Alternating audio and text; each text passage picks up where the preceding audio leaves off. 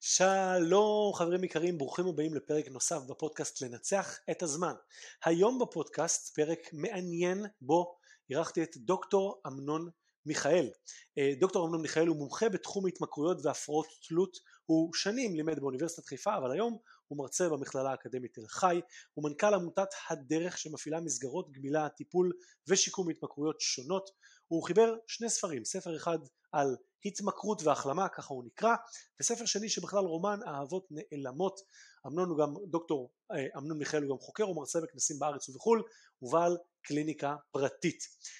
את אמנון אירחתי כי אני לא יודע, כפי שאתם ודאי שומעים, כל התחום הזה של תלות, התמכרות, דופמין, סרוטונין, סופר מרתק ומעניין אותי והייתה לנו אכן שיחה מרתקת ומעניינת שבה לא רק דיברנו על איך מתפתחת תלות, מה ההבדל בין תלות והתמכרות, מה ההבדל בין סתם הרגלים רעים לבאמת התמכרות, איך אני יודע אם אני מכור לא רק לאוכל, הרגלים שונים, איך נוצרת התמכרות, הבאנו בסופו של דבר גם כלים ממש ממש פרקטיים איך לעזור לעצמנו אם יש לנו איזושהי הפרעת תלות מסוימת כזו או אחרת.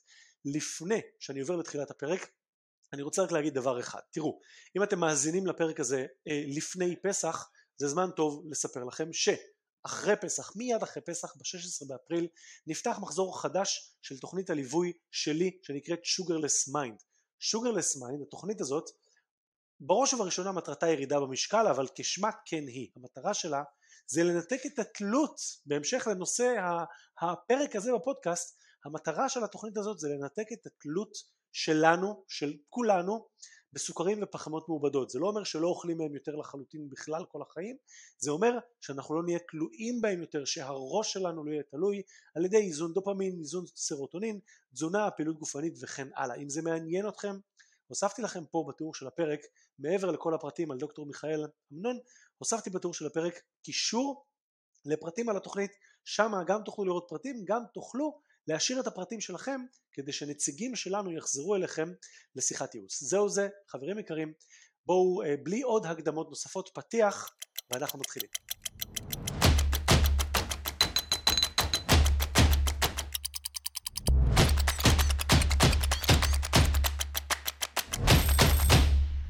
אז אהלן, דוקטור אמנון מיכאל, אהלן, תודה רבה שהסכמת להתארח אצלי בפודקאסט. תודה לך, תודה שהסכמת שאני אבוא לפה. בשמחה. בידע המצומצם שלי על אה, תחום של תזונה, התמכרויות, רגלים.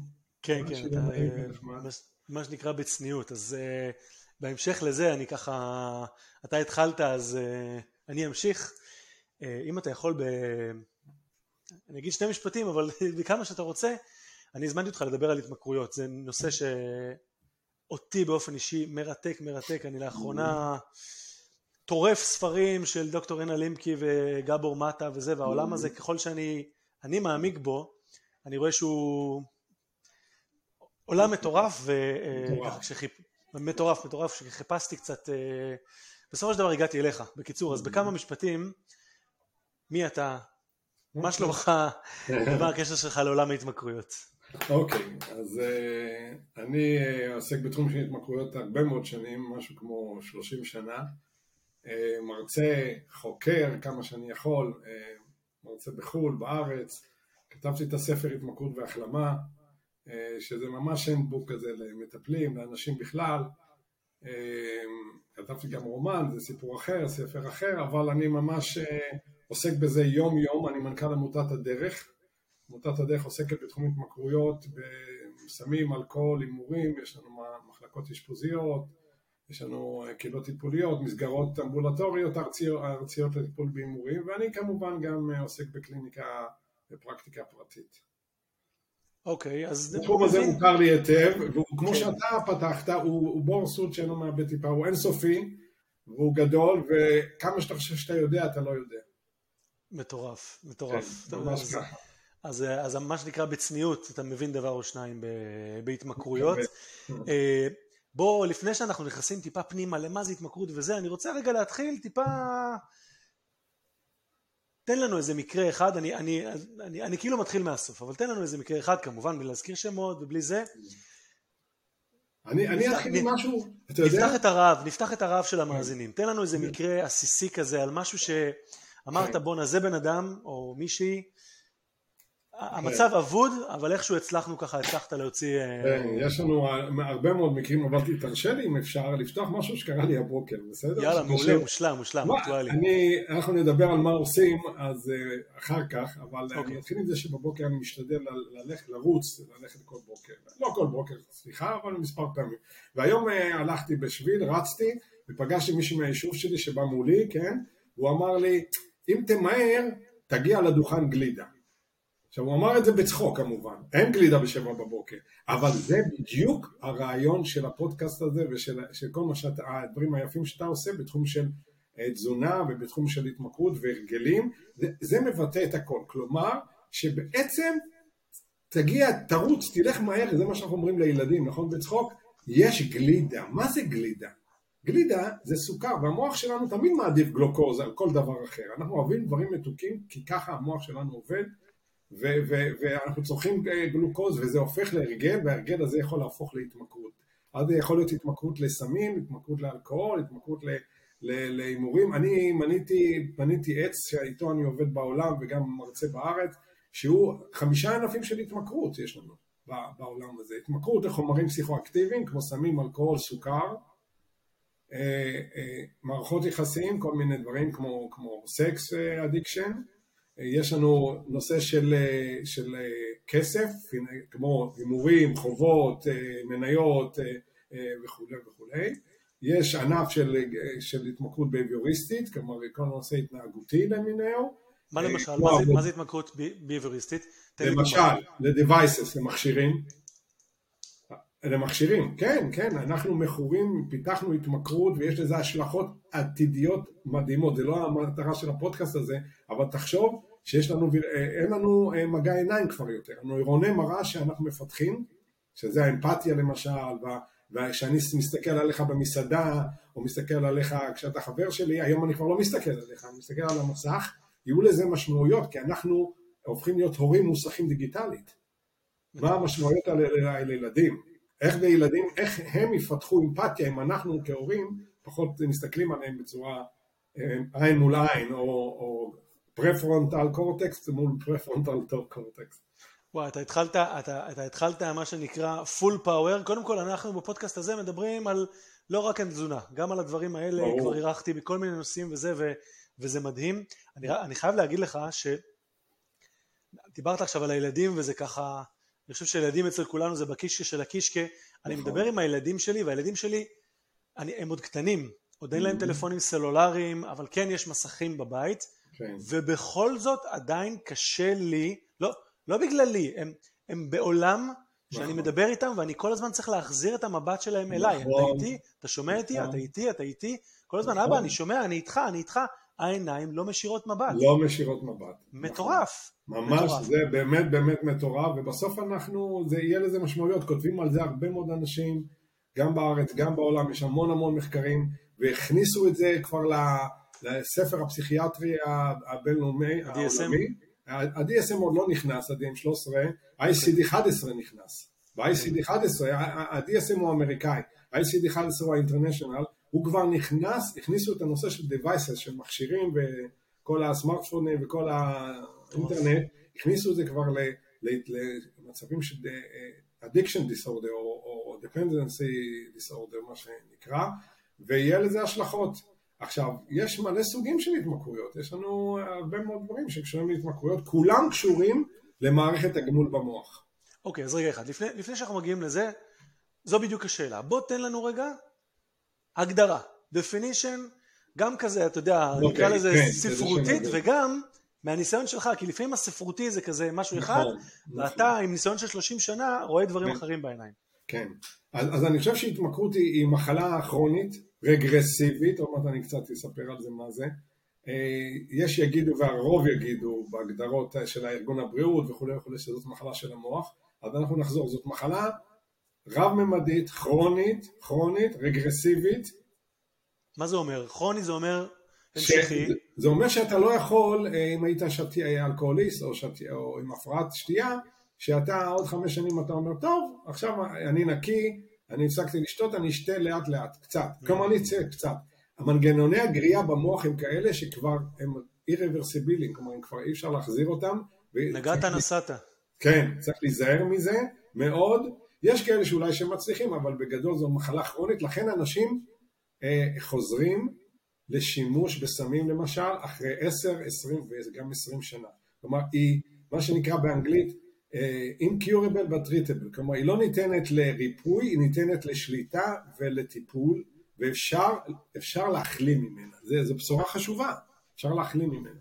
עכשיו, היא אמרנו מחלה רגרסיבית, כלומר אפשר לעשות relapse, כלומר ליפול בחזרה, היא רב-ממדית, היא פוגעת בתחומי החיים של האדם, בתפקודים של האדם, היא מאופיינת ב craving, כלומר בכמיהה, craving, דודה מה שקוראים, כמיהה. כן. בינג'ים כאלה. ויש חיפוש קומפולסיבי, כלומר חיפוש אה, טורדני או מתמשך אחרי הסמים או אחרי ההתנהגות, לא משנה, למרות הנזקים וההשפעות הקשות של ההתמכרות עליה. כלומר, אבל היא חייבת לעבוד על brain reward, כלומר, לא כל דבר שאני עושה שהוא, שהוא, אה, שהוא, אה, אני ממשיך אותו למרות הנזקים, למשל טיקים בעיניים. טיקים בעיניים שאני עושה עכשיו ככה עם הטיקים זה לא התמכרות. למה? הם לא, לא, זה לא עונה על ה-brain reward, על מערכת הגמול במוח, מרכזי הגמול במוח. למשל, זה אחד הדברים, ההבדלים שצריך לזהות התמכרות. עכשיו אנחנו יכולים להגיד שהתמכרות היא הקצנה של התנהגות נורמלית, או שהוא אמר משהו מאוד יפה, או שהוא אמר זה צורך שהשתגע. זו הגדרה מקסימה בעיניי. וואי, מדהים. נכון? ממש. נכון שזאת הגדרה זה, זה צורך, זה צורך שהשתגע והוא רוצה ורוצה ורוצה ורוצה.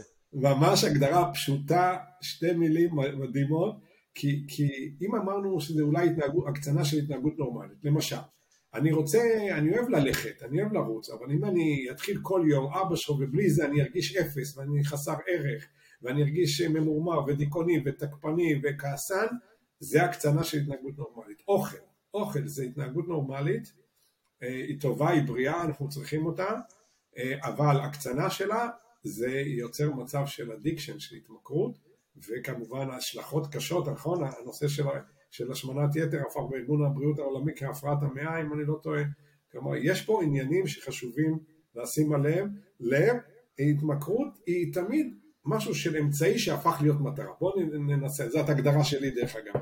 אוקיי. Okay. התמכרות, תחשוב על משהו שהוא אמצעי, למשל, אני שותה, אתה יודע מה, בוא נלך, אפילו יין, לא אפילו, יין, או אפילו, בסדר, בוא נהיה כאן כרגע, אנחנו בפודקאסט פתוח, מותר לדבר. שתינו יין, זאת אמצעי להרגיש קרוב לאנשים סביבי במסיבה, בסדר? זה אמצעי. כן, להעלות קצת הביטחון וזה כן, נכון. נניח שזה בסדר. אני לא כרגע אומר טוב רע, אני אומר זה אמצעי. עכשיו, כשהאמצעי הופך הוא למטרה, פה מתחילה ה addiction, פה מתחיל התמכרות. אותו דבר עם, עם אוכל. זאת אומרת, אני הולך, אני הולך למסעדה, לא בשביל המסעדה, לא בשביל החברה, לא בשביל זה, בשביל היין. בדיוק. בדיוק, בשביל היין, או אני שותה בשביל לשתות. אני שותה בשביל לשתות, לא בשביל להרגיש הנאה, או להרגיש קרוב לאנשים. עכשיו או... תקן אותי רגע אם אני טועה, כשזה מגיע למצב כזה, זאת אומרת בהתחלה, כשזה עוד לא מצב כזה, שזה איזשהו כלי, או איזשהו אה, צורך, איך אמרת? לא צורך, אמרת, אה, כן, צורך קראת לזה לפני כן. ההתמכרות? כן. אז בהתחלה אני יכול להרגיש שוב, אני לא יודע כמה ההגדרות שלי מדויקות, הן נורא עממיות, אבל אני יכול להרגיש בן אדם נורמלי, עם תחושות של ערך עצמי נורמלי, ואולי כשאני שותה, אם אנחנו כרגע בדוגמה של היין, אז אני מרגיש קצת אקסטרה. נכון. כשזה מגיע להתמכרות, נכון. התחושה היומיומית היא במינוס, נכון. וכשאני שותה אני מרגיש לא אקסטרה, אני מרגיש אפס, כמו שכולם נורמלים. נכון. אני, צריך, נכון. אני תלוי בזה כדי להרגיש נורמלי. נכון, נכון. אני, יש לי גרף כזה שאני מצייר, שיש מוטיבציה להשתמש נגיד בעיה, אני, יש לי reward, כלומר גמול, ואז אני משנה את ההתנהגות. כשאתה כבר בהתמכרות, ה-reward, כלומר הגמול, או המוטיבציה גם, הסיבה נעלמת. למשל, אני רוצה ללכת למסיבה, אני אשתה קצת במסיבה ואני ארגיש נעים. זה מוטיבציה, יש לי סיבה. כשאתה מכור, אין מוטיבציה כבר. אתה שותה גם בבוקר, למשל שתיית בוקר שאין בה שום משמעות. זה לא מוטיבציה, זה צורך. בדיוק, בדיוק, זה הפך להיות כבר צורך. כלומר, המטר, האמצעי הפך להיות מטרה, והמטרה נעלמה, אפילו ה-reward נעלם. כלומר, גם ההנאה, או ה... נדבר עוד מעט על המוח קצת, גם החלק של הגמול אה, נעלם. אוקיי, אז לקחת אותנו בדיוק לנקודה הבאה שרציתי לדבר איתה, עליה. בוא נדבר רגע על המוח. כן. דופמין, סרוטונין, אנדורפינים, זאת אומרת יש הרבה הרבה קללות כאלה נכון. שאני יודע לדבר עליהן אבל לא מבין, מהם, לא מבין בהם כמוך. כן. בוא ניכנס כן. לזה קצת. אני קצת אספר על זה, תראה. אנחנו, בני אדם, גלאי גמול מושלמים. ובריחה מכאב. כן, כן. עכשיו, מה שבעצם אנחנו, מה שקורה כאן, אני אומר, אני תמיד בהרצאות שלי אומר שכל אחד יחליט מה שהוא יחליט, אבל האבולוציה או אלוהים, תחליט אתה, יצרו מצב שכל מה שאנחנו, כל מה שהוא הישרדותי אנחנו נהנים ממנו. יחסי מין, למשל, אוכל סוכרי, נכון, מים, תנועה, נכון? תנועה, נכון. כי, כי, כי אם עכשיו חיה רודפת אחריך, תחשוב, אנחנו אין לנו חיות שרודפות מי יודע מה, אבל uh, תיקח כמה עשרות אלפי שנים קדימה, אחורה. לא, גם, לה, גם להשיג דברים זה מרגיש בדיוק. טוב. בדיוק. עכשיו, אנחנו חייבים ש, שיהיו דברים שאנחנו נהנים מהם כי הם הישרדותיים. עכשיו, הגמול הזה הוא חלק, אמרנו, מכל פעולה שאנחנו עושים, ויש לנו כמה, כמה אה, הורמונים או כימיקלים ש, שמיוצרים במוח. אה, למשל, הדופמין הוא, הוא אחד החומרים האלה, הוא מיוצר באזור שנקרא VTA במוח, הוא... אה, זה אזור של מערכת הגמול אה, במוח, והוא זורם לכל המקומות ש, שנמצאים, הוא מופרש בחומרים פסיכואקטיביים או בחומרים אחרים, הוא אחראי על גמול, הוא אחראי על תמריץ, על מוטיבציה, על הנאה, על אופוריה. אה, גבור, אתה הזכרת אותו בהתחלת הפגישה שלנו, הוא מספר שם על ניסוי ש, שנטרלו את אה, אזור הדופמין במוח של אה, עכברים, נתנו, אה, האכילו אותם, הם אכלו. שמו להם את האוכל מטר מהם, מטר מהם, הם מתו, כי הם לא יכלו, לא, לא, זה הייתה, לא- לא הייתה שום מוטיבציה. בדיוק, לא היה מוטיבציה, וזה הוריד את ה... בדיוק, את המוטיבציה, את התמריץ ואת התנועה להגיע מטר, להושיט את היד או לסחול לשם. זה פשוט אה, אה, מדהים. יש לנו אה, סרוטונין, סרוטונין אחראי על מצב הרוח שלנו. אה, על זיכרון, על עיבוד, על עוד כמה דברים, סרוטונין. יש לנו אה, אוקסיטוצין, שזה הורמון האהבה או החיבה, נכון?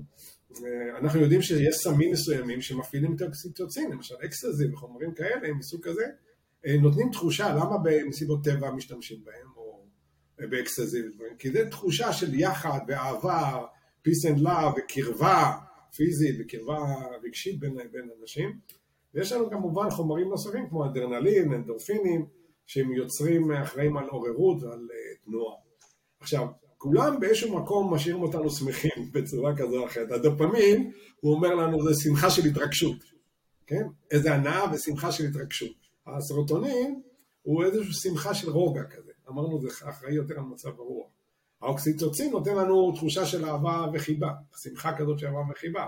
האנדורפינים למיניהם, הם אה, באיזשהו מקום היי אופיאטי כזה, היי מרגיע כזה, והטסטסטרון נותן לנו דחף מיני בדרך כלל ודחף לעשות, והקורטיזול אחראי על הנושא של, ה, אה, של הסטרס, ויש לזה באמת אה, משמעויות מאוד גדולות.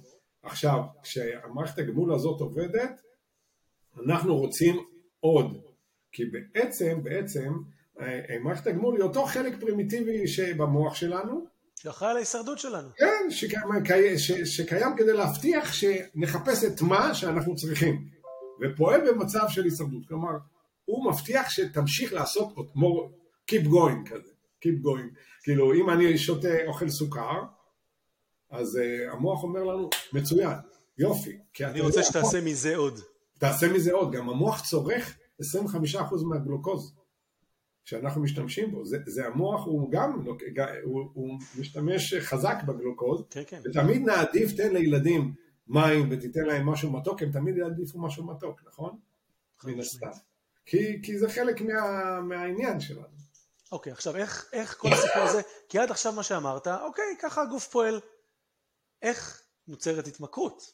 אוקיי. זאת אומרת, התמכרות זה איזושהי תופעה שאני לא רוצה אותה, מצד שני, אתה אומר, אנחנו צריכים, הגוף מייצר את הדברים האלה באופן טבעי. בלי נכון. הדברים האלה לא נחיה, לא נשרוד. בדיוק. יהיה יש- מטר מאיתנו אוכל, לא נרצה להשיג אותו. נכון. איפה זה משתבש? אוקיי, עכשיו הגענו לעניין קצת יותר, נקרא לזה התפתחותי פסיכולוגי. אה, התמכרות, אני, זה משפט שכתבתי בספר, התמכרות נוצרת... אנחנו נשים קישור לספר שלך מתחת לפרק, סליחה, תמשיך. כן, כן, התמכרות נוצרת מכאב ויוצרת כאב. בואו נשמע, נקשיב לזה שוב. התמכרות נוצרת מכאב, היא לא נוצרת בחלל ריק. אנשים, כולל כל התמכרות דרך אגב, סמים, אלכוהול, הימורים, אה, אוכל, בואו בוא נחשוב אפילו על אוכל, אה, וויניקוט אמר את זה מאוד מאוד יפה, משפט גאוני בעיניי, הוא אמר, הכמיהה של האדם היא לא למזון, לאוכל, היא ליד המזינה. משפט ממש מדהים. כלומר, שתחשוב על המשפט הזה, כי, כי אנחנו, נכון שיש תהליכים אה, אה, ביולוגיים או כימיים שאנחנו רוצים עוד מאותו דבר, כמו שנתנו דוגמה. עדיין לא כולנו רצים עכשיו לסופר וב-25 שקלים לוקחים בקבוק יין והופכים משתכרים. נכון. נכון? עובדה. כלומר, החומר הוא לא העניין. הוא גם העניין, אבל הוא לא העניין. יש לו פוטנציאל התמכרותי. למשל, גם מים, גם חלב וגם אה, אה, אה, כלים, שאני עושה כלים, זה התנהגות, נכון? אבל למה חלב אני בדרך כלל לא מכור לחלב, ולכלים אני לא, מי עוד לא שמעתי התמכרות לכלים, יש כלים, נכון? אבל כי חלב אין לו פוטנציאל התמכרותי, הוא לא אמין, הוא לא אמין, הוא לא רילייבל, הוא לא אמין, אי אפשר לסמוך עליו, אותו דבר שטיפת כלים, כלומר אי אפשר לסמוך עליהם שהם ייתנו לי את מה שאני רוצה, אם אני מדוכדך, חלב כנראה לא יעשה את זה, גם שטיפת כלים לא תעשה את זה, אבל סם או הימורים או, או אוכל או, או התנהגות אה, אחרת של אה, כמו נגיד אה, סקס, הם ייתנו לנו את זה, הם, אפשר לסמוך עליהם, הם נותנים לנו בדיוק את מה שאנחנו צריכים, אפשר לסמוך עליהם. הם הופכים, להיות, הם הופכים להיות סוג של חבר כזה, אני עכשיו בדיוק. קצת רע לי, אני לוקח, עכשיו קצת זה, אני אוכל, אני בדיוק, זה. בדיוק, כלומר, אם נחזור על מה שאמרנו, התמכרות נוצרת מכאב, הבסיס להתמכרויות זה שיש סבל בלתי נסבל. זה איזה שהם ניסיונות, ההתמכרות או החומרים או השימוש, כלשהו, לא משנה במה, זה ניסיונות כושלים להקל על מציאות בלתי נסבלת. אני חוזר, זה ניסיונות כושלים להקל על מציאות בלתי נסבלת. כלומר, זה... אומר, אתה אומר ניסיונות כושלים, כי אם זה היה עובד, וזה היה משנה את המציאות שלי, אז לא הייתי חוזר. מדהים. אם זה היה עובד, אתה ואני לא היינו מדברים פה. כי יש בעיה, יש פתרון מעולה. למשל, אני אומר תמיד בהרצאות, תראה, יש מלא פתרונות, אבל הם לא מפתחים בעיה חדשה. למשל, אני מדוכדך, הולך לשמוע פינק פלויד. שומע פינק פלויד, נרגע, אומר בואנה, זה מוזיקה מדהימה. הגיטריסט הזה, הסולן. זה פשוט בלתי נתפס. או, אוקיי. ואז אה, אה, אני מרגיש חסר ערך, ואני אומר וואלה, אני הולך לים, אני נרגע, אני ארגיש מצוין, הבחינה הייתה כישלונית, נכשלתי בבחינה הבוקר, היה על הפנים, אני לא שווה כלום, אבל בוא תלך לים, תעשה סיבוב, אני חוזר, נרגע, מעולה. כלומר, יש בעיה, יש כאב, יש פתרון, הוא לא מייצר בעיה חדשה. אוקיי, okay, אז כרגיל אני עושה רגע עצירה קטנה באמצע ומבקש מכם, שוב, כרגיל, לשתף. הדרך שלי להביא את הפודקאסט הזה, את הפרק הזה, לעוד אוזניים, זה על ידי העזרה שלכם לשתף. בבקשה, עצרו רגע, עשו צילום מסך, לא משנה אם אתם צופים בזה ביוטיוב או מאזינים לזה באיזושהי פלטפורמת פודקאסט כזו או אחרת, צלמו את המסך, תעלו את זה אצלכם בפלטפורמה, בפייסבוק, ביוטיוב, בסטורי, באינסטגרם, לא משנה, תעלו את זה אצלכם, ואם אפשר גם תתייגו אותי כדי שגם אני אוכל לשתף את השיתוף שלכם, זה מאוד מאוד יעזור לי. יאללה, בואו נחזור לפרק. מה קורה בהתמכרות? יש כאב, מציאות בלתי נסבלת, טראומה או כאב או קושי, לא חשוב, יש פתרון, סמים, אוכל, לא, הימורים, זה מייצר בעיה חדשה לצערנו, מחלה אפילו אם קראנו לה, נכון? חדשה שקוראים לה addiction, קוראים לה התמכרות לצערנו הרב, שהיא רק מחמירה את הבעיות הראשוניות ו... ומייצרת בעיות חדשות. זה הנורא בהתמכרות. זה הנורא. כלומר שהפתרון הוא גם הבעיה, בקיצור. הפתרון יוצר את הבעיה הבאה והוא גם הבעיה. טוב, קשוח מאוד. תראה, אני רוצה רגע, לפני שאנחנו ממשיכים, כי יש לי רק אלף ואחת שאלות לשאול אותך, אה, אבל שנייה, אמרת פשוט איזשהו צמד מילים פסיכו-אקטיבי. אתה יכול נכון. שנייה, אתה יכול שנייה רק כדי כן, שתסגור לנו שנייה מה זה אומר הדבר הזה, ואז נמשיך. כן, יופי. זה, זה מושג, אם אני לא טועה, שמקלילן, אני חושב, אה, מיתג אותו. פסיכואקטיבי, כלומר, הוא עושה, הוא אקטיבי, הוא עושה שינוי על הפסיכו, על הנפש שלנו. למשל, אני אוכל סוכרים, אני עושה לי מצב רוח, מה הוא עושה? אמרנו כבר, נכון? סרטונין, דופמין, כל החלקים האלה, הוא מייצר מערכת הגמול, אנחנו נהנים, אנחנו מבסוטים, טוב לנו, ואופורים וכולי. כלומר, הוא עושה פסיכו-אקטיבי, הוא עושה הפעלה, שינוי של ההרגשה. יש, יש חומרים או התמכרויות שעושות שינוי של מצב הרוח, וזה פסיכו-אקטיבי, ויש כאלה שעושים גם את שינוי של מצב התודעה, כמו הרואין. הרואין עושה שינוי מצב של מצב התודעה, אתה במציאות אחרת. אז, אז יש לנו גם, גם שינוי מצב הרוח, גם שינוי מצב התודעה, וכל ההתמכרויות חייבות להיות פסיכואקטיביות, כלומר הן מפעילות את מרכזי הגמול, קראנו, דיברנו, אם אין, כנראה אין התמכרות. אתה מתעסק גם במרכזים השונים, גם באנשים שהתמכרו למשני תודעה? כן, כן. משנה תודעה, יש חומרים פסיכודליים היום, נכון? משתמשים בהם. כן. תראו, כל דבר הוא יכול להיות גם לטוב וגם לרע, אנחנו יודעים על זה, נכון? איך אמר, אני חושב בזן הם אומרים, אם אתה נושף על, על אש שיכולה להתפרץ, אתה נושף על אש שיכולה להיכבות. כלומר, יש לה את שני העולמות. אותו דבר כאן, אנחנו לא נגד, אני חושב שלהשתמש בסמים כדי לייצר תרופות למשל, או להקל על כאב, זה בסדר. כמעט כל חומר יש בו רעל, תלוי מה כמות הרעל וכמה אנחנו, כמה הוא הרסני לנו. כל עוד אני לא מייצר את הבעיה הבאה, כמו שאמרת. בדיוק, כמו שאמרנו, שהפתרון מייצר, הוא גם הבא וגם מייצר בעיה. אם הוא לא מייצר בעיה, אחלה, זה בסדר גמור, כמו לשמוע פינק פלויד. טוב, אני רוצה רגע לקחת אותה, אותך חזרה רגע לעולם של סוכר. כן. בסדר? עולם של סוכר, עולם של קצת קפה, אני לא יודע מה אתה שותה, אבל אני שותה קפה.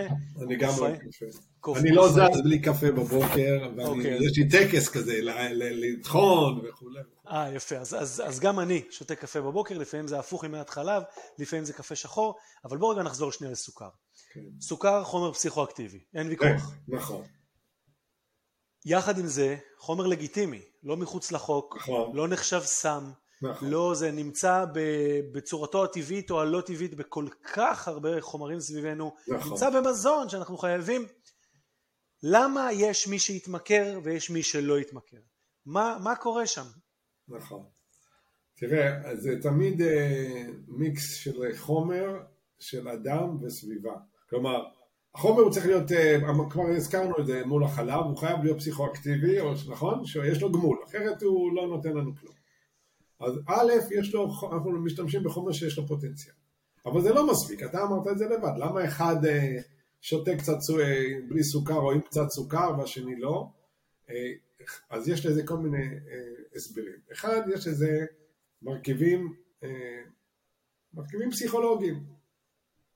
נכון? מרכיבים פסיכולוגיים, כמו שאמרנו, שהיא נוצרת מכאב. כשהמציאות היא בלתי נסבלת או קשה, אני נוטש אותה. ואז אני יכול לעבור ולהשתמש בחומר שממלא איזה חלל בתוכי ש, שלא מתמלא לבד, הוא לא מתמלא, ופתאום אני, אני משתמש ב, ב, בסיפור של החתיכה החסרה, אתה מכיר את הסיפור הזה? בטח, בטח, בטח. אני, אתה יודע, הרבה אנשים, אני רואה את הדור שסטודנטים שלי לא מכירים את הספר, ואני ממש, קשה לי עם זה. מה זה, קלאסיקה, קלאסיקה. קלאסיקה. אז אולי לצופים, לצופים שלנו, קצת נספר. מה זה, מה זה חתיכה חסרה? מישהו שהיה לו, קחו מעגל, חסר חלק מסוים, נגיד משולש בתוך המעגל הזה, העיגול, והוא מתחיל להתגלגל ומחפש השלמה לחור הזה, למשולש הזה. כמו עוגה שחסרה לה איזה חתיכה כזאת, שהוא מתגלגל בעולם ומחפש את החתיכה החסרה שלו. בדיוק, ואז הוא פתאום מוצא עיגול, לא נכנס, הוא מוצא, אני יודע, מרובע, לא נכנס, מלבן, לא נכנס, עד שהוא מוצא את המשולש, בום, איזה יופי, מתחבר בול לעיגול, משלים את העיגול. אני אומר שזה בדיוק ככה בסוכר, או בחומרים כאלה, פסיכואקטיביים. אני מחפש משהו שימלא את החלל בתוכי, להחלים, להצליח, לפתור את הקושי שלי, את הכאב או טראומה או, או לא חשוב, את הריק שלי, ופתאום אני, מוצ... אני מתגלגל ולא מוצא את הדבר הזה שיפתור את זה, ופתאום אני מוצא את המשולש הזה והעיגול מושלם, וואו, איזה יופי, מצאתי את הפתרון. הסוכר, זה הסוכרים, הגלוקוז, זה הפתרון לחתיכה החסרה הזאת, ומפה אני מרגיש שיש בי איזה שקט. לצערנו הרב, זה גורם לבעיות חדשות. חבל.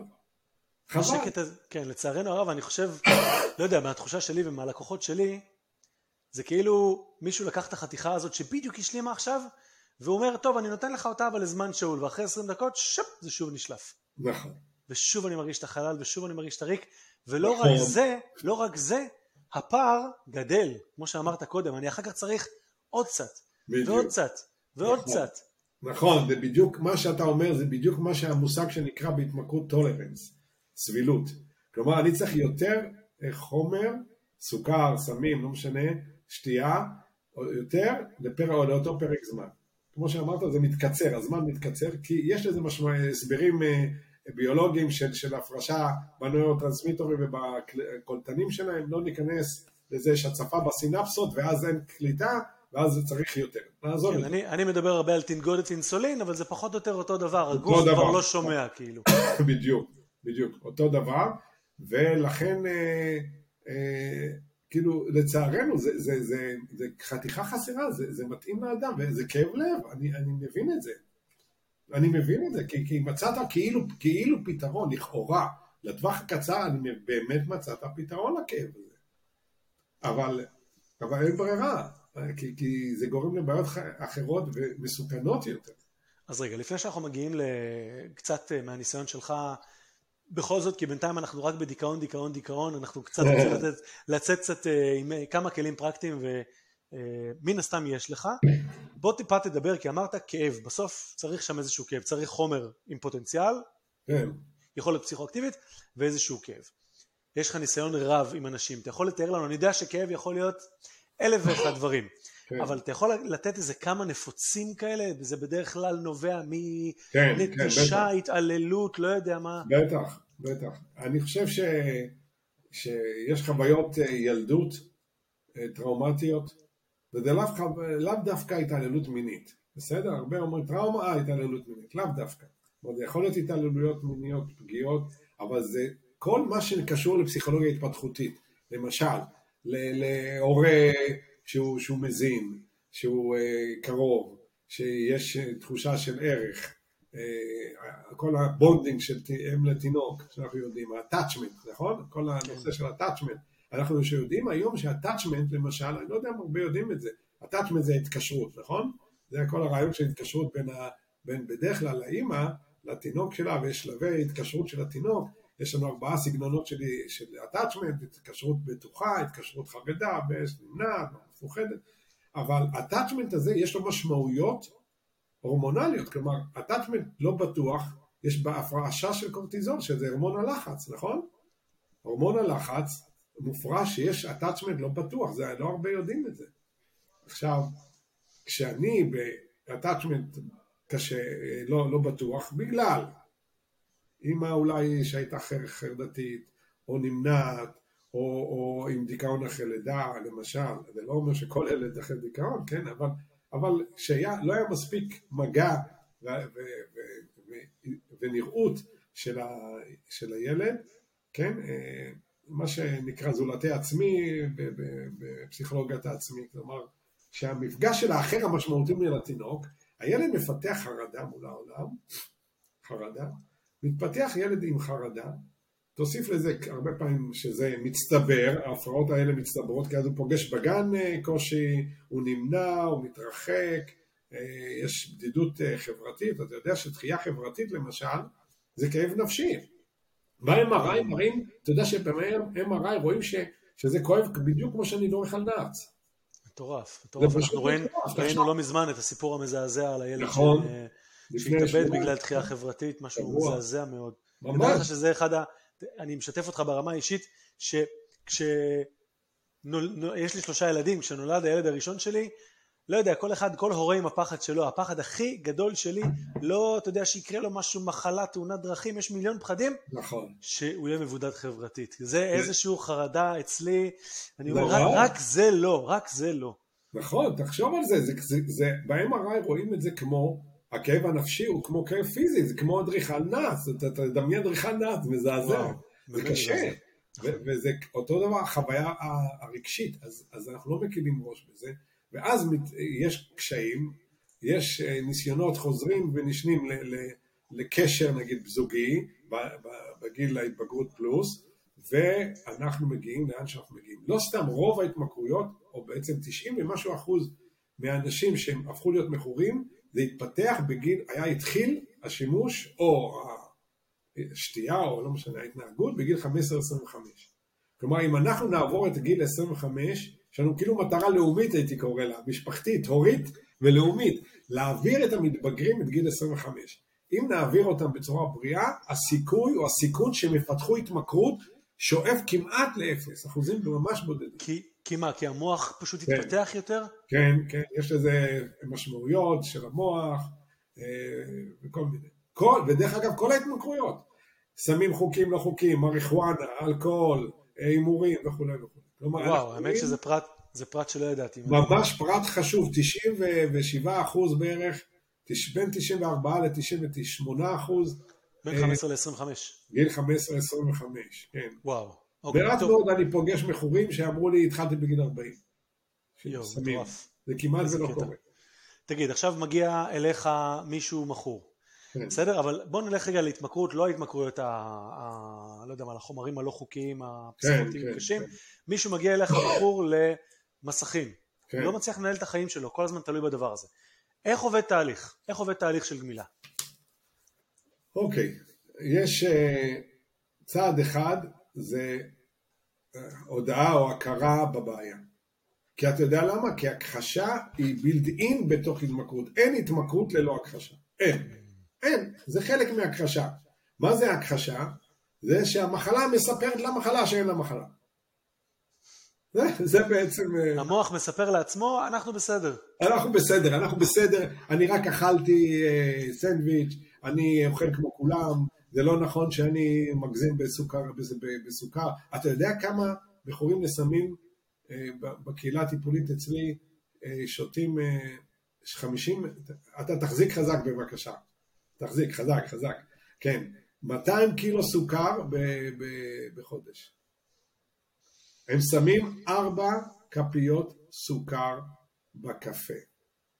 למה? אתה יודע למה? כפיצוי חייבים משהו במקום. לגמול הזה, לגמול שהסמים נתנו. מה זה אומר? כלומר, יש לנו הכחשה. קודם כל צעד אחד הכחשה.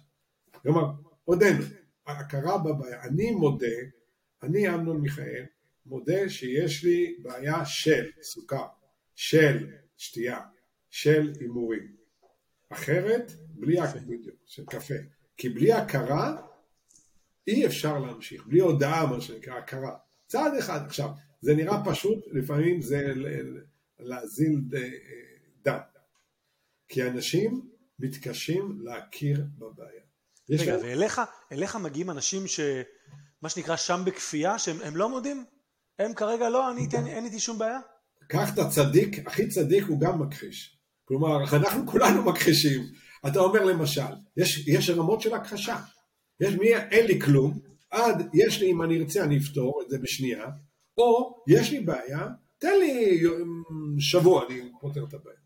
אתה מבין? אה, וכולי וכולי, יש מדרג. כלומר, הכחשה היא לא רק אני, אין לי שום בעיה, היא יכולה להיות הכחשה גם, יש לי בעיה, אבל היא שטותית, אם אני ארצה אני אפתור את זה לבד.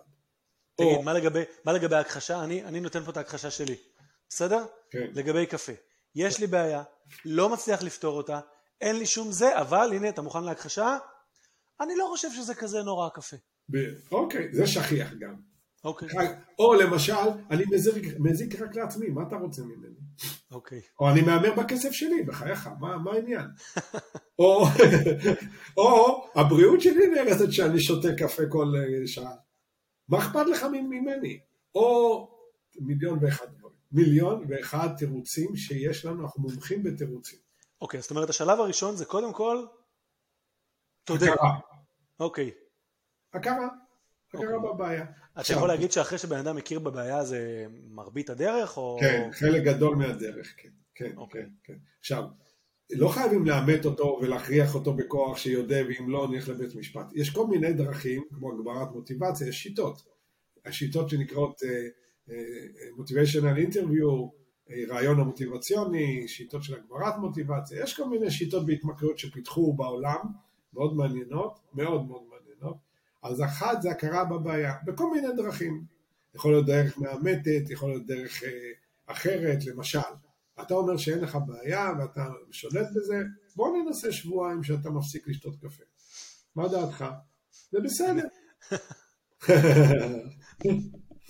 אתה יודע, בדיוק לא. הפחד, הפחד. לא, אני, מס, אני מסכים איתך, הרבה פעמים אני יודע על עצמי.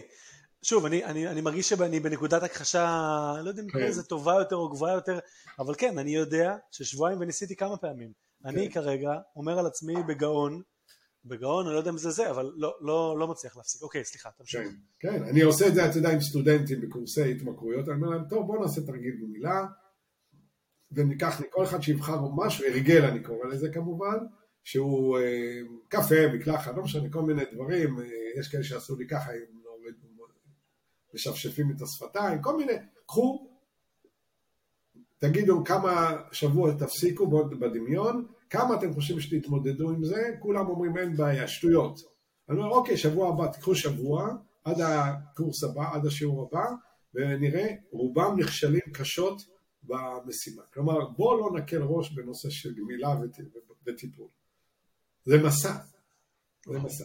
עכשיו, אחרי, המס... אחרי ההכרה, מתחילה להיות איזשהו תהליך של אה, אה, לתת אמון בסביבה, באנשים, אחר כך לפתוח את כל מה שקרה לי, את כל הטינות והקשיים והפחדים וההדחקות שאני פיתחתי במהלך השנים.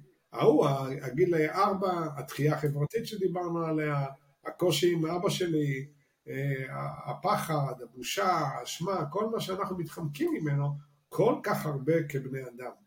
כי אנחנו, עדיף לנו להראות את העצמי הכוזב שלנו, או העצמי הציבורי נקרא לו, ולא את העצמי האמיתי שלנו. זה קשה. אתה אומר שבעצם, אתה אומר שבעצם, הרי אמרת קודם שהכאב מוביל לאיזשהו חיפוש, נכון. עכשיו אחרי שהודינו, בוא נפתח את הפצע. נכון. בוא נפתח, בוא נדבר עליו, זה תהליך מורכב. המטפל הופך להיות עד לסיפור, הקבוצה הופכת להיות עדה לסיפור של האדם ונותנת לה תוקף. נותנים תוקף, כי כשאני הייתי ילד, בן ארבע או בן שש, אמרו לי, אתה מדבר, אתה לא, אתה מדבר, שטו, אתה, מחקו את התודעה שלי. וזה ש, שלא נתנו לזה מקום, וזה ש, שאמרו, מה פתאום, איזה שטויות, מה, מה פתאום רבנו לידך? איזה שטויות אתה מדבר? כי הוא גדל, כן? ואז הוא הופך להיות, רגע, מה שאני כנראה לא אני, ומה עושים סמים? הם הופכים אותי ללא אני. אמרנו, משנה את מצב התודעה. הם מעבירים אותנו למציאות אחרת. זה תהליכים מורכבים. ואחר כך מתחילים גם, צריך לפתח מיומנויות. מיומנויות שליטה. זה הולך גם עם החלק היותר, נקרא לזה פסיכולוגי פנימי, אבל גם עם מיומנויות התנהגותיות. זה תמיד הולך ביחד. תמיד הולך ביחד. זאת אומרת, אני צריך, אה, אחרי שהודיתי, קיבלתי עליי את, את, את, את העובדה שאני מכור, אחר כך אני צריך מה שנקרא לנבור בפצעים, לרדת לשורש הבעיה, כן. ואז לסגל איזה שהן מיומנויות להתמודד עם הדבר הזה. נכון. אם אני רגע משליך את זה, אם אני שנייה מנסה להשליך את זה להבדיל, כן, אבל לעולם שלי, קודם כל אני אומר, אוקיי, הדבר הזה מנהל אותי, הסוכר mm-hmm. הזה, או אני לא יודע מה זה מנהל אותי, כן. אחר כך אני מנסה להיכנס פנימה להבין וזה, ואחר כך אני צריך, אוקיי, להוציא את זה מהבית, נכון. למצוא אולי תחליפים בריאים יותר, נכון. אה, כל מיני, זאת אומרת, התנהלות יומיומית שתשרת אותי. נכון, נכון. אוקיי, עכשיו בוא רגע, ברשותך, בוא נחזור שוב למרבית האוכלוסייה שכנראה תאזין לפרק הזה, שהם, לא יודע, ספק הרגל מגונה, ספק התמכרות וזה, עכשיו בן אדם מאזין לנו ואומר, אני מכור, אני לא מכור, תן, תן, תן איזה כמה כלים להבין. אוקיי. האם אני מכור או אני לא מכור. אוקיי, אוקיי, אני, אני אומר שזה יחסית בעיניי, יחסית די פשוט. אוקיי. אה, ולא כל הרגב ולא כל שימוש ולא כל, אה, אני יודע מה, אכילה היא אכילה התמכרותית. מתי אנחנו אומרים שזה בעיניי ככה, פוגע בתפקודים, אנחנו נסביר איזה תפקודים עוד שנייה. אוקיי. אני, זה משהו שאני פיתחתי והוא בעיניי עונה על הפתרון. מעבר לכל ה... יש ב-DSM למשל 11 קטגוריות ויש אתה 2 מתוך 11, אתה נעזוב את זה. בואו ננסה לקחת את זה ככה. אחד, בעיית תפקודים שנדבר עליהם עוד שנייה. אוקיי. שתיים, תלות או בעיית שליטה, שזה שני אותו דבר. בואו נתחיל עם השני דווקא. תלות, בעיית שליטה, זה כמו שאמרנו, בואו ננסה שבועיים להפסיק. בואו נראה מה יקרה. זאת אומרת, אתה אומר, זה יכול להיות מדד, כאילו, דיכוטומי, הצלחת שבועיים להפסיק כן או לא? יש את שניהם ביחד, צריך להיות גם פגיעה בתפקודים אוקיי. וגם בזה. אחד זה בעיית שליטה, כלומר תלות בעיית שליטה, למשל, אני, אני שותה למרות שאני לא רוצה, אני מגזים בכמות, כלומר אני החלטתי שאני שותה עכשיו כוסית במסיבה ואני שותה כוס, אה, שותה בקבוק. כלומר, אני לא שולט בכמות, אפילו שהחלטתי, אני שותה למרות, אני- או אוכל למרות הנזקים שאני יודע שיש לי, גם תדירות, גם מבחינת כן. כמות הפעמים ביום? כן, כן, בטח, את התדירות, למרות שבאוכל למשל, או בשתייה יש בינג'ים, והם גם לא פחות התמכרותיים. בינג'ים זה, זה התקפי אכילה כאלה. התקפי אכילה בדיוק, או התקפי שתייה, יש כאלה אומרים, אני לא מכור לאלכוהול, אבל הוא בסופי שבוע, בגלל הדיכאון, בגלל הלבד, בגלל שאין לו עבודה, בגלל שהוא בודד, הוא יכול ליצור, וזה פגיעות בכבד הרבה יותר גרוע מאשר שתייה. אתה יודע כמה פעמים, אתה יודע כמה פעמים בעולם שלי, כמה פעמים אני שומע אנשים שאתה רואה שעם עודף משקל והם אומרים כן אני חייב וזה אבל אני לא מבין, אני לא אוכל כלום כל היום, כל היום, בבוקר נכון. אני רק כוס קפה, צהריים נכון. אני רק מה איזה סנדוויץ' קטן נכון. וזה, ואני שואל אותו אוקיי ומה קורה בסוף שבוע? כן אבל זה סוף שבוע וזה, זאת אומרת זה, בדיוק, אוקיי. בדיוק. כלומר, אנחנו יכולים להניח בצורה גורפת, אה, למרות אה, מטאבוליזם, כל מה שזה, אנחנו יכולים להניח בו, כמעט בוודאות שמי שיש לו בעיית אוכל או השמנה, הוא אוכל יותר. נקודה. לא יעזור, אין פה, אנחנו לא יכולים להתווכח עם זה. לא להתווכח עם החוק, לא ה- נתווכח למרות שיש אה, משתנים נוספים כמו מטאבוליזם וכו', אבל בואו לא נתווכח עם זה.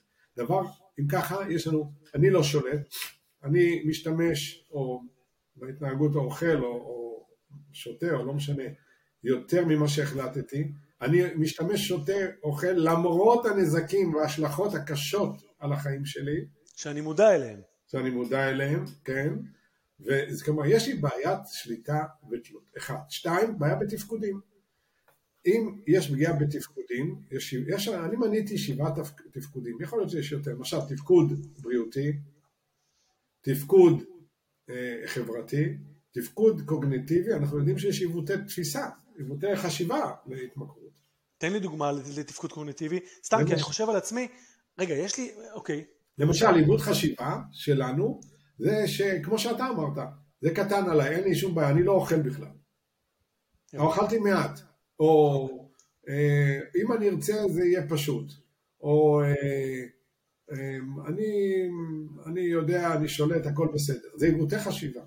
אוקיי, זה עיוותי אז אמרנו חשיבה. בריאותי, חברתי, קוגניטיבי, יש תפקוד תעסוקתי,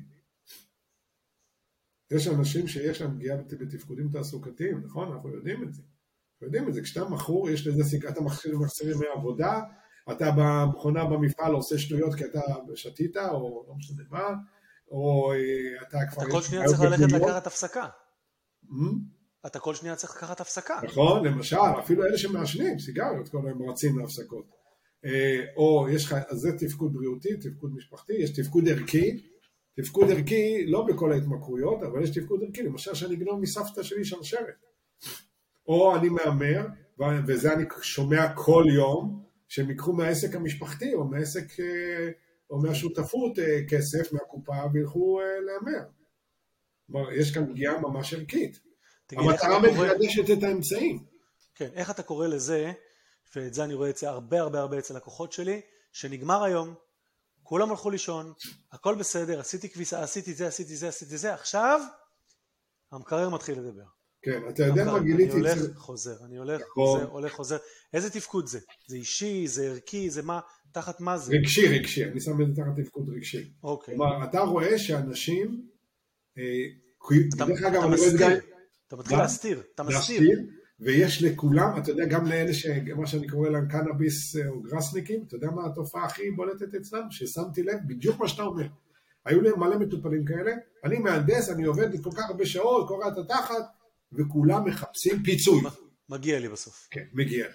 כולם, גם עם האוכל וגם עם הגראס, מגיע לי פיצוי. ואז אני אומר, לא מגיע לך כלום.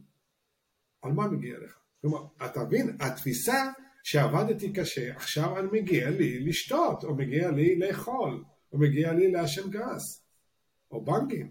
כלומר, יש כאן תחושה של פיצוי על משהו שמגיע לי מהעולם. כן, יש, יש, אני חושב שגבור באחד הספרים אמר The Caregiver Syndrome.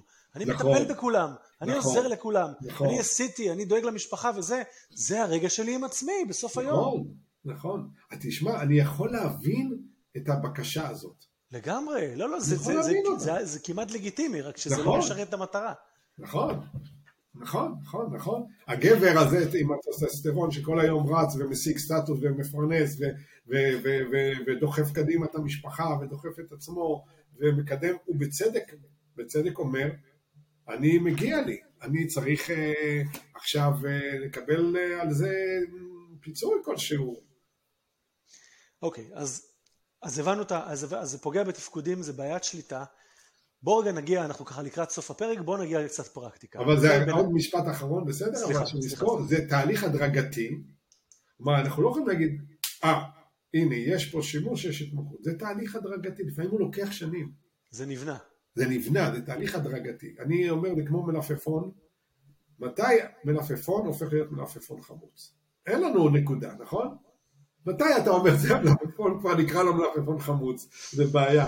אבל אני תמיד אומר, שאף פעם אי אפשר להחזיר מלפפון חמוץ להיות מלפפון רגיל. Hmm. עצוב. עצוב, בדיוק. אז כן, אוקיי, נחזור. אוקיי, אז עכשיו מאזין לנו מישהו ואומר, טוב, דיכאון, הבנתי שאין לי בדיוק שליטה בעניין הזה, אני מדבר על, ה, על הסמים היותר נקרא לזה לגיטימיים, סוכר כן, קפה, כן, בסדר? כן. זה אפילו סיגריות. זה כן. פוגע בי, זה פוגע בתפקודים וכו' וכו'. מה אתה ממליץ לבן אדם עכשיו שמקשיב לנו ורוצה לעשות עם זה משהו? אוקיי. מעבר ללרשום את עצמו למכון גמילה. אוקיי, יש, יש כמה דברים שצריך לעשות ואפשר לעשות. אפשר לעשות, בדרך כלל עם עזרה, אבל אפשר לעשות גם דברים אה, דיברנו על זה אולי לפני. כמה דברים. אחד, וזה דברים בעיניי בעיני טובים לי כבן אדם רגיל, בן אדם עם קושי, בן אדם עם התמכרות או הרגל וכו'. אחד, זה אסירות תודה. בוקר, בוקר, אני ממליץ למטופלים שלי לקחת מחברת ואני מבקש מהם, חלק אני אומר להם, תגיד לי, אתה רוצה מחברת? אני אתן לך, יש לי מחברות דרך אגב. זה מדהים, מדהים. אסירות תודה. אתה יודע דבר מדהים, יש דבר מדהים, שיש לנו נקודה, אה, נקודה חמה במוח, מעל אזור העיניים, שאחראית על אסירות תודה. מדהים. זה מדהים, אבל אתה רוצה לשמוע משהו עוד יותר מדהים? רגע, אסירות תודה, מה, להגיד תודה על מה? על, על זה שקמתי אני... בבוקר כמו הדתיים, על זה שאני נושם, על כן, זה שיש כן, לי משפחה? כן, כן, לקחת מחברת ולרשום, אבל אומר לי, אין לי על מה, למשל. אומר לו, על זה שקמת. קמת, קמת. זה שכל החלקים במקום, זה שהכל מחובר, זה שאתה חי, זה שאתה נושם. אתה יודע, ופתאום אנשים מגלים מלא מלא אסירות תודה על מיליון דברים. יש לי מה לאכול, תקשיב, חם לי, חם לי בלילה. זה, זה מובן מאליו? זה לא, לא. מובן מאליו. לא. עכשיו, הדבר המדהים שיש לנו נקודה חמה במוח שאחראית על האסירות תודה, אבל דבר מדהים עוד יותר, וזה לכולנו כהורים וכחברה, במיוחד בדור, בתקופה הנוכחית, שהנקודה החמה הזאת נעלמת כאשר האנשים מפונקים. זה, זה, זה, זה, זה מטורף. כלומר, היא נעלמת. כשהילדים מפונקים, או אנשים מפונקים, פתאום הנקודה החמה הזאת פתאום נעלמת. ואתה תראה אנשים אה, עם הפרעות פינוק כאלה או אחרות, ומכורים, זה יש הרבה כאלה, דרך אגב, אזור המהמרים הם בסגנון כזה, שפ... שאין להם אסירות תודה על כלום, כי ה... כשאתה מפונק, הנקודה החמה הזאת הולכת ו... ודוהה ומתחסנת. אז אחד אמרנו זה אסירות תודה, כן? אסירות תודה. דבר ש... כל בוקר לכתוב כן, לכתוב. אתה ממליץ לכתוב או שלהגיד לעצמי? לא, לא, לא, לא, לא, לא, לא, לא. למה דווקא לכתוב? אני, אני, אני מסכים במאה אחוז, אבל אני רוצה לשמוע את ההסבר המקצועי. אני אגיד לך, כי אנחנו ברחנו מעצמנו מספיק שנים. הגיע הזמן להתקרב לעצמנו. אם אתה תהיה נזיר נפאלי בטיבט, ואל תכתוב, אל תכתוב, כי אתה כבר נזיר, אתה מומחה בעל שם, אתה עושה את זה כל יום. אבל בהתחלה אנחנו צריכים את התהליך הזה כי אנחנו רחוקים מעצמנו. ולהגיד לעצמנו, אה כן, באמצע הנסיעה, כן, אסירות תודה, יאללה, וי, עשיתי, לא, לא, לא. לקחת, לרשום. אתה רוצה שזה יהיה טקס. טקס, טקס, אסירות תודה. אהבתי מאוד מאוד. האנשים שמסירים אסירות תודה, היא פתאום אתה גדל יותר, אתה פתאום הופך להיות טוב לעולם, לעצמך. אני רוצה, אני רוצה לשתף רגע מה, מהמקום האישי שלי, שאני גם עושה את זה כל בוקר, וזה לא עובד על ההתחלה. זאת אומרת, נכון. צריך קצת להקפיד, צריך נכון. קצת להתמיד. כי נכון. בהתחלה אתה עושה את זה, וזה מרגיש לך כזה מעין איזה וי כזה שאתה עושה, אתה אומר, בסדר, אני כותב וזה, אחרי כמה ימים, תנו לזה צ'אנס. תנו לזה נכון, צ'אנס. תנו לזה צ'אנס. עוד ועוד ועוד, נעשה ונשמע, כמו במעמד הר סיני. קודם כל עושים, אחר כך מקשיבים. יופי. עושים. עושים. שזה, שזה גם כן עוד הערה קטנה, אני מצטער שאני נכנס לך בדברים, אבל עוד הערה קטנה, כן. זה הבאסה הגדולה בסמים, נכון. בסוכר, בזה. שהוא עובד מיד. נכון. הוא עובד מיד. זהו, זה, זה פוטנטי, יש לו, יש לו תופעה, בום, מהירה. בדיוק, אפשר לשמוח. זה הרבה יותר קל, זה הרבה יותר קל מאשר עכשיו מה לכתוב כל בוקר עד שאני ארגיש את זה שבועיים, וזה עזב, נכון. עזוב, תביאו גיאה. נכון, בדיוק, כן. פתרון קצר ומבטיח, אמרנו, נכון. אבל לצערנו, מה שאנחנו... אבל יוצר בעיה אחרת, כן. יוצר בעיה אחרת. אז סליחה, עצרתי אותך, אסירות תודה. אסירות תודה. דבר שני, ליצור ויזואליזציה של המטרה. מה הכוונה ויזואליזציה של מטרה? תמונת ההצלחה של המשקל, למשל. תשמע, אני חייב להגיד לך, אני ראיינתי בפרק הקודם את אה, דוקטור אה, טליה טיטיון גרין שמדברת על mm-hmm. היפנוזה עצמית, כן. וכל מיני, כאילו, כאילו בסוף כל העולמות, דיברת על אושו ודיברת, כאילו בודהיזם, הכל מתחבר בסוף. נכון. זה, זה מדהים, זה, זה מטורף בעיניי. בטח. בסוף אנחנו אחד. כזה. נכון. קוליות של כולנו, שלנו. איך, איך אתה ממליץ ליצור את הוויזואליזציה? כי יש המון, יש המון שיטות. עכשיו, יש כמה שיטות כאלה. אחד זה דמיון מודרך. כלומר, לראות אותי אה, בתמונה שאני רוצה, תמונת הצלחה. מדהים. אני אומר לאנשים עם מחלות לעשות את זה. למשל, לאדם עם מחלת... אה, אני עשיתי אה, עם עצמי כל מיני דברים כאלה, אבל אדם עם מחלה כלשהי, אתה רואה אותה, תדמיין את עצמך בוויזואליזציה, בתמונה של, של אם, של טוב, של שלם. עכשיו, כמו שאמרת, לחזור על זה שוב ושוב ושוב, בערך דמיון מודרך. יש לנו את הסיפור של הגיבן, אני לא יודע אם שמעת את זה. הגיבן, הנסיך, היה הנסיך, בן של מלך, okay. אוקיי. היה עם גיבן. הוא היה גיבן, מסכן לצערנו, וכולם ריחמו עליו, אבא המלך ריחם עליו. אבל בגיל 16 הוא אמר לבן שלו, בני הנסיך, מה אתה רוצה?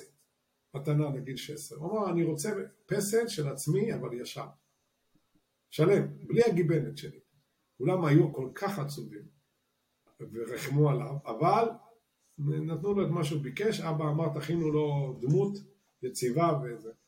והילד הזה, הנסיך, שם את הפסל בחדר האישי שלו, וכל ערב היה עושה שתי תנועות כאלה.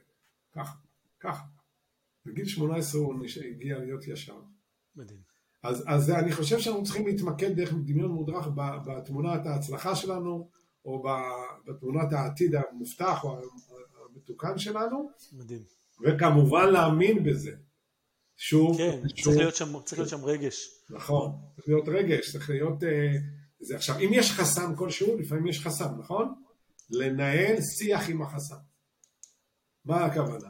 בואו ננסה לתרגל את זה, נחשוב ביחד. למשל, אני מתרגל, את, יש לי ויזואליזציה של המטרה, אה, אני במשקל אה, סביר, ואני רואה את זה, אני עושה דמיון מודרך, ואני מסתכל, עוצם עיניים. אז הראש אומר לך, די, וזה... כן, כן, כן, כן, בדיוק, שוב, אני שוב, אז בהתחלה קשה לי יותר, ושוב אני עושה, ושוב ושוב ושוב, ושוב מופיע החסם הזה המסוים הזה, ואני אומר בוא תדבר איתו. למשל, בן כמה אתה? החסם הזה. מאיפה אתה? מי, מי אתה? מתי הופעת אצלי? כאילו לתת לו דמות, לבנות לו דמות. לתת לו דמות, בדיוק, לעשות, אה, לעשות externalize, החצנה שלו. החצנה שלו, ולדבר איתו ולראות, כן, אני נוצרתי בגיל 6. כאילו, להבין את הכאב שהיה שם בגיל 6, שנכנסתי, זה, ואבא לא היה כי הוא היה, לא יודע איפה היה בבית סוהר, או שהוא עזב את הבית, ואני הרגשתי שאין מי שיעזור לי וייתן לי כוח גדול ממני, ואני רציתי את האוכל שיגן עליי. ולעשות עם זה איזשהו תהליך. אז, אז אנחנו אמרנו ויזואליזציה של המטרה. אמרנו... לדבר עם החסם. כן, כן. אה, אה, יש לנו דבר נוסף, למשל, תפילת השלווה אם אתה מכיר. לא מכיר. אלי תן בי את השלווה לקבל את הדברים שאין ביכולתי לשנותם, אומץ לשנות את הדברים אשר ביכולתי ואת התבונה להבחין בין השניים. כלומר, להגיד, רגע, אני לא יכול להיות עכשיו אה, חתיך על, וזה הבעיה שלי, יש לי משקע, יש לי באג עם אוכל, קשה לי עם שתיית אלכוהול, זה הנקודה שלי, אבל אני אעשה דברים שאני יכול לשנות. למשל, יש לי בעיית דיכאון, אני דיכאוני. אני, אתן בי את השוואה לקבל את הדברים שאין ביכולתי לשנותם. יש לי בעיית דיכאון. אבל אומץ לשנות את מה שאני יכול, למשל לקום בבוקר ולא להישאר במיטה, זה דברים שאני יכול לשנות. ללכת להתקלח אחרי שבוע שלא התקלחתי, כי אני בדיכאון. ללכת ולהתקלח, זה דברים שאני יכול לשנות. אולי אני לא יכול לשנות את הדיכאון, זה גדול, אבל אני יכול לעשות תפילת, זה מעין תפילת ענווה כזאת וצניעות של בדיוק. זה ייקח זמן אבל זה יקרה. נכון, זה יקרה, נכון, נכון. אה, שמש, אתה יודע, דיברנו על הבוקר ש... שהתחלתי אותו, אתה יודע ש-50% מהסדרה של, ה... של הקורטיזול והדופמין והאנדורפינים בגוף הם בשמש של הבוקר? יודע. זה בלתי נתפס. השמש של הבוקר היא מאוד מאוד משמעותית למצב הרוח, למערכת החיסונית ולאנרגיה שלנו. מדהים. אז, יאללה, הנה, תלך. יש לנו שמש, תצאו, במיוחד בישראל. והיא חינם. בחינם. היא משנה את הדופמין, היא משנה את האנרגיה, היא משנה את מצב הרוח שלנו. הנה, בחינם והיא אנרגטית והיא נהדרת, ו- וללכת אליה. עכשיו, מישהו יגיד, אבל אני דיכאוני או אני אה, כרגע אה, לא מרגיש טוב. העליתם בי את השלווה לקבל את הדברים ש... ולשנות את מה ש... כן, אתה יכול לקום, לשים נעליים, כנגד רצונך.